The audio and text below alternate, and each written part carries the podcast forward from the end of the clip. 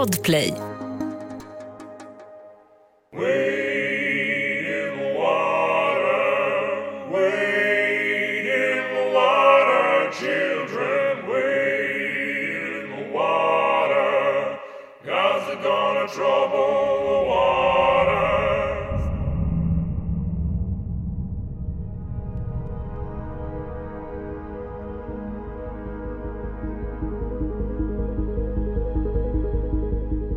Från sitt fönster ser Daniel plötsligt en person som håller på att bryta sig in hos grannen. När polisen kommer till plats blir det ett ingripande under stor dramatik. Och jag vet ju när jag kommer runt hörnet till garaget så vet ju jag att jag kommer att möta han liksom. Vilket håll kommer han att ta liksom? Kommer han att springa emot mig eller vad kommer han att göra? För han ser ju ganska, ja han hade ju mycket kläder och sådär men han ser ju ganska stor eller biffig ut sådär. Men jag bara, nu ska jag liksom, eh, han ska inte få komma undan. Du lyssnar på mig, Jenny Burman, och ett nytt avsnitt av Hjältarna. Här hyllar vi personer som ingriper med civilkurage i olika akuta situationer.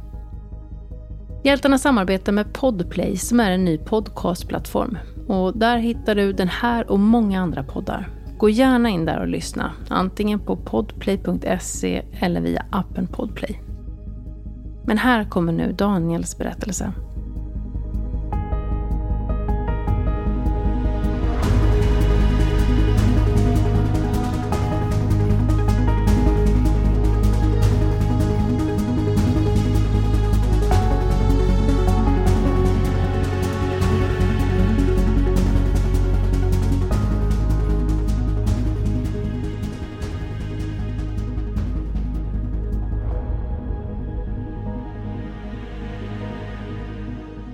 Hösten närmar sig.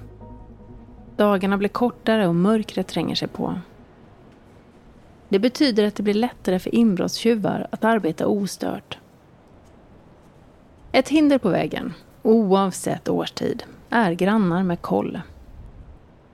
Jag sitter i bilen och är på väg hem till Daniel. Han bor tillsammans med sin fru och två barn i Stuvsta gård i ett väletablerat villaområde som ligger cirka 20 minuter utanför Stockholm. I takt med att åren har gått har kvarteret där Daniel bor genomgått ett generationsskifte. Numera är det många barnfamiljer och kompisar till familjen som har flyttat in i området.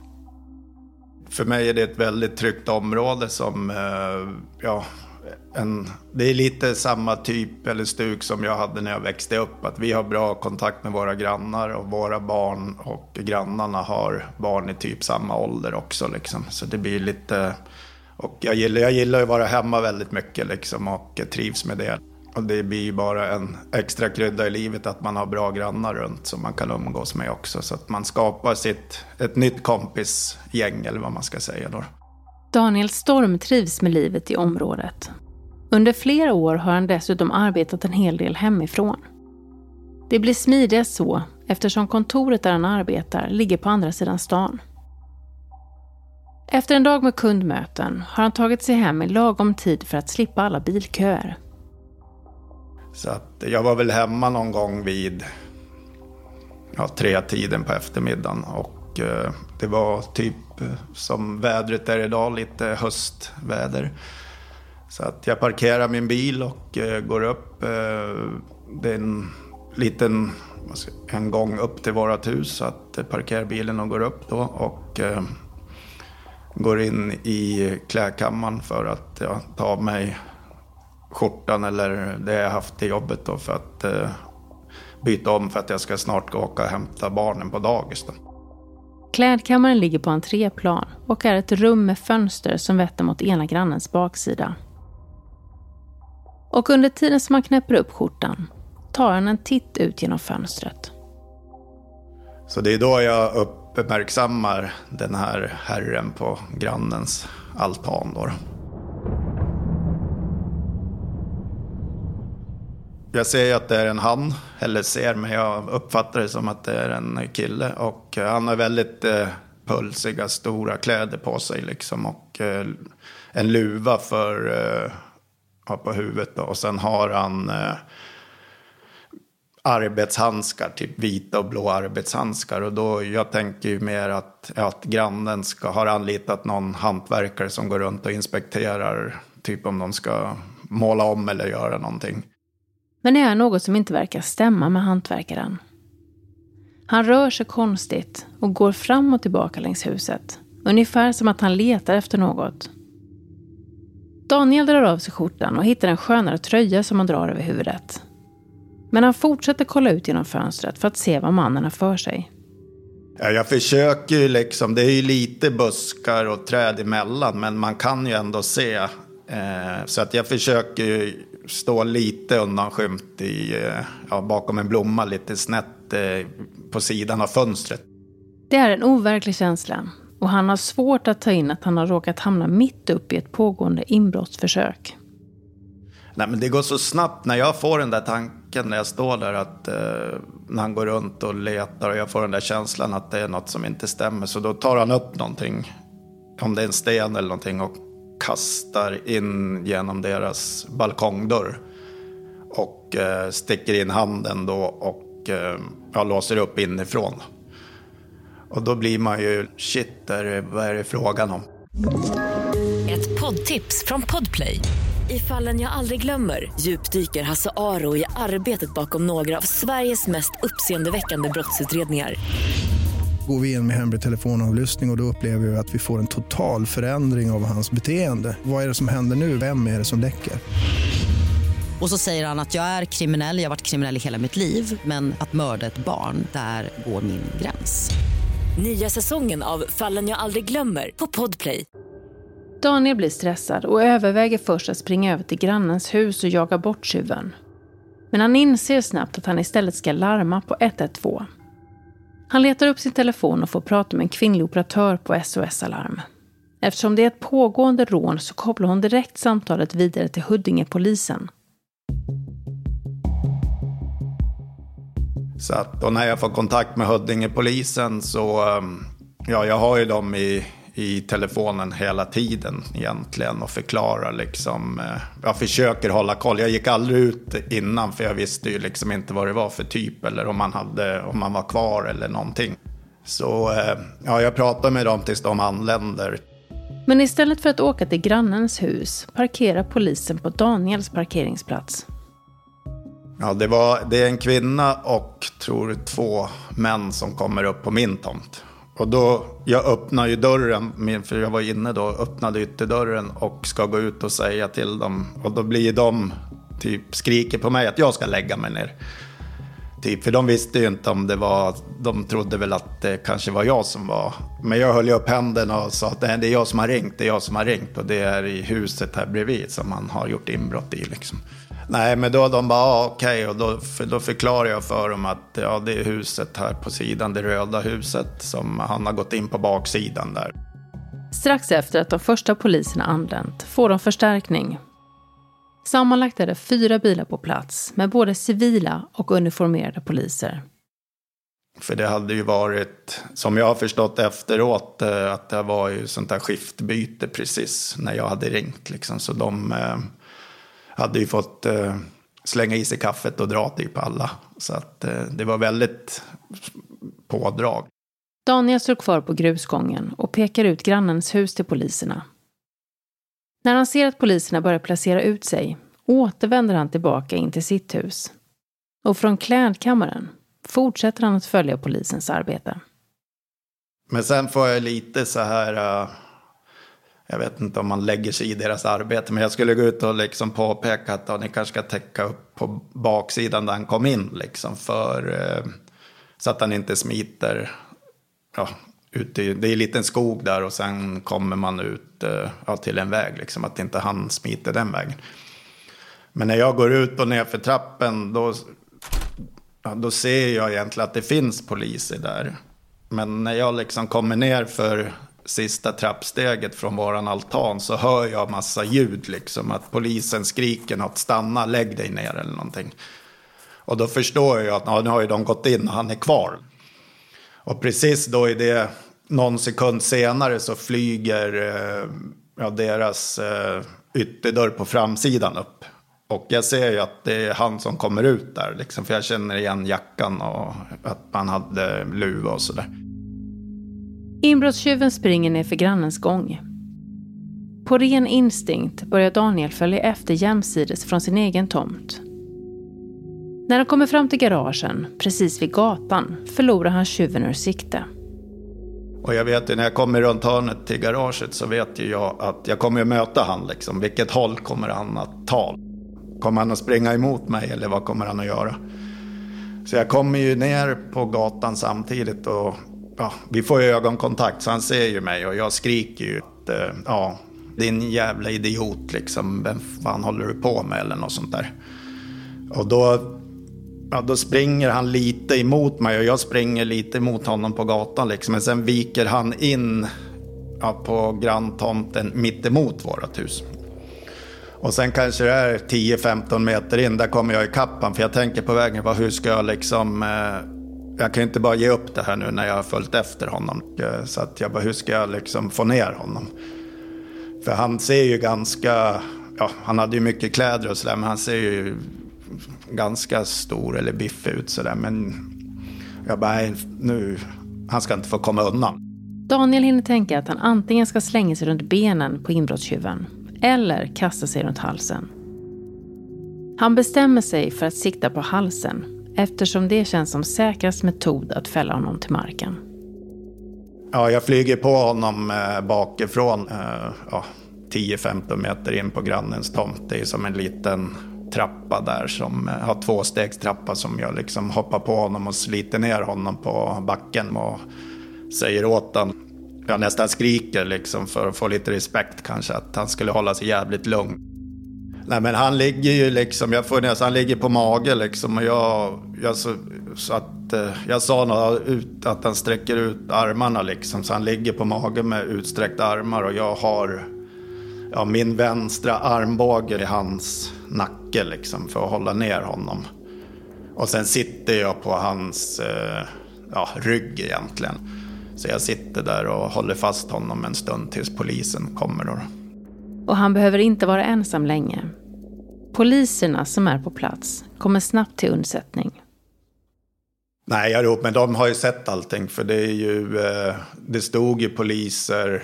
Några satt ju kanske, jag tror några satt kvar i bilarna. Som, det kanske inte behövs 20 poliser liksom, men det satt kvar några där i. Och sen kommer ju de som har gått in i huset, de är ju, eh, kommer ju ut och som jag, jag ser ju inte det, men jag kan ju tänka mig det att de springer samma väg som han. Så att de kommer ju och eh, tar honom. Nej, men då när de kommer då reser jag mig upp liksom och då tar eh, och ställer mig liksom på sidan och då, ja, då tar ju de och sätter handbojor på honom och, eh, och går iväg med honom in ja, i en polisbil som står och väntar där. Dramatiken lägger sig och när tjuven åker iväg i polisbilen infinner sig ett behagligt lugn. Daniel står kvar på gatan en stund och får chans att prata med polisen om händelsen. Ja, för jag står och pratar med två, tre poliser på gatan sen liksom. Att, eh, jag bara, det här är ju inte något man gör varje dag typ sådär. Så att jag blev lite, ja men, ja, pusta ut eller vad man ska säga. Så att så står jag och pratar lite med dem där en stund.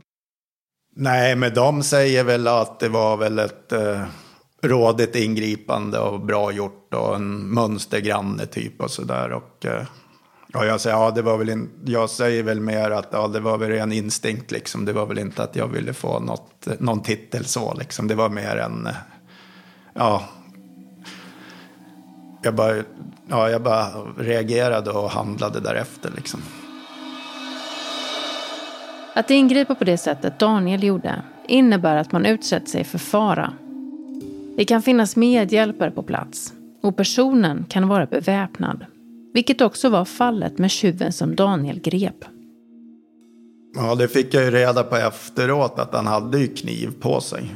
Så att... Eh, men jag vet inte eftersom eh, han hann väl aldrig ta upp den liksom. Och eh, någonstans i bakhuvudet var det väl också min tanke att jag sa att han skulle sträcka ut sina armar liksom. Att han inte skulle kanske få tag på någonting liksom.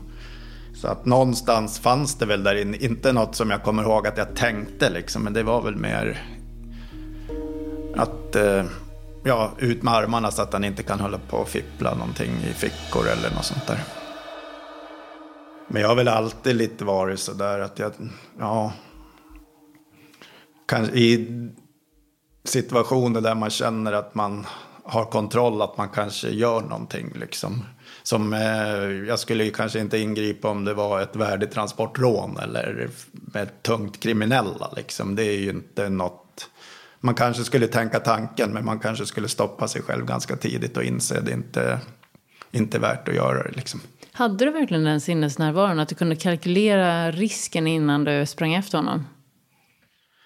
Ja, men liten risk av vad händer om man liksom vänder sig om och gör, eh, vad ska jag göra då liksom?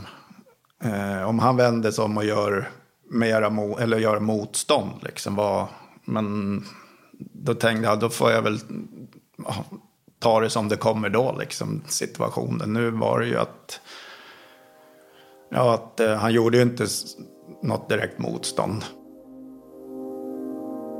Nu hade man väl tur att det var väldigt mycket poliser här ändå, så att, eh, men man kanske ska tänka ett steg till också, liksom, när man ingriper. Så att visst, jag kanske kunde ha gjort det på ett annorlunda sätt och eh, gått och skrikit åt honom genom fönstret så att han hade stuckit därifrån. Liksom. Men då hade han fortfarande varit på fri fot eller vad man ska säga. Och hur gick det sedan med grannen som tjuven brutit sig in hos? Och lyckades tjuven få med sig något under inbrottet? Nej, de, eh, polisen eh, försökte, de fick inte tag på grannarna först och fråga. Och jag hade inte deras telefonnummer då liksom. Så att, eh, eh, men jag vet att de försökte ringa till dem och försökte, jag tror de försökte ringa till deras barn också. De har äldre barn. Så att, eh, men jag eh, åkte och hämtade mina barn på dagis och då på vägen hem så kommer grannen gående på gatan och eh, jag frågade, jag jag frågade om polisen hade fått tag på henne och då sa hon ja liksom. Nej men hon sa ja polisen har fått tag på oss, jag ska hem nu och eh, för de är där nu liksom. Så de skulle väl gå igenom vad som hade blivit stulet. Ja, eftersom jag upptäckte han och kunde stoppa det innan. En del kan ju röja runt och förstöra väldigt mycket i ett hus om de inte hittar det de vill ha liksom. Så att han hade ju, som jag har hört, han hade ju bara hunnit varit inne typ på ett ställe eller någonting sånt där. Så att eh, det var ju skönt och de fick ju tillbaks. Ja, det var väl eh, arvegods i smycken som de fick tillbaks liksom. Ja, han hann få med sig det alltså? Ja, jag tror han hade det i sin väska. Som var deras då. Ett tips för att undvika farliga konfrontationer med tjuvar som kan vara beväpnade är att göra ljud eller ropa på avstånd. Men i Daniels fall verkar inte ljuden ha haft någon betydelse. Och jag förstår inte att inte han hörde mig när jag kom. För vi har grusgång och vi, där jag parkerar bilen en grusuppfart. Att han måste ha hört att det kom en bil. Att någon går ut, stänger dörren, går upp eh, för grusgången liksom. Och, så att, men han var väl fokuserad på sitt. Och det är lite, deras altan ligger ju lite ovanför våran gång liksom. Så det är lite snett uppåt. Det kan ju vara att husen eh, tar bort ljuden också. Att den inte, eller att det blåste lite ut eller något sånt där också. Efter händelsen startar Daniel en grannsamverkan i området för att göra det lättare att hjälpas åt och minska risken för inbrott. Och enligt statistik från Brå hjälper det. Brottsligheten i områden med grannsamverkan minskar med i genomsnitt 26 procent. Daniels berättelse är en källa till inspiration, men tänk på din egen säkerhet när du ingriper. Betygsätt och recensera gärna podden i iTunes podcaster-app. Då hjälper du fler att hitta hit. Och hör gärna av dig om du känner någon som du tycker ska vara med i podden. Jag heter Jenny Burman och mig hittar du på Civilkuragebyrån. Vi finns på sociala medier och på civilkuragebyran.se. För klippmix och ljuddesign står Erik Magnusson. Ha det så himla fint så hörs vi snart igen.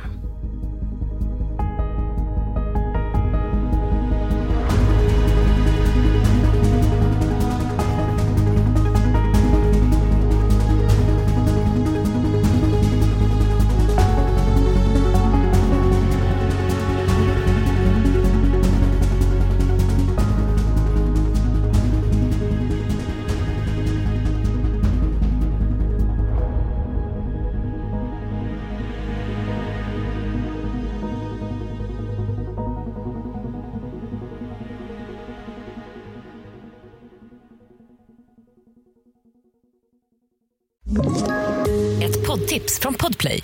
I podden Något Kaiko garanterar östgötarna Brutti och jag, Davva, dig en stor dos skratt.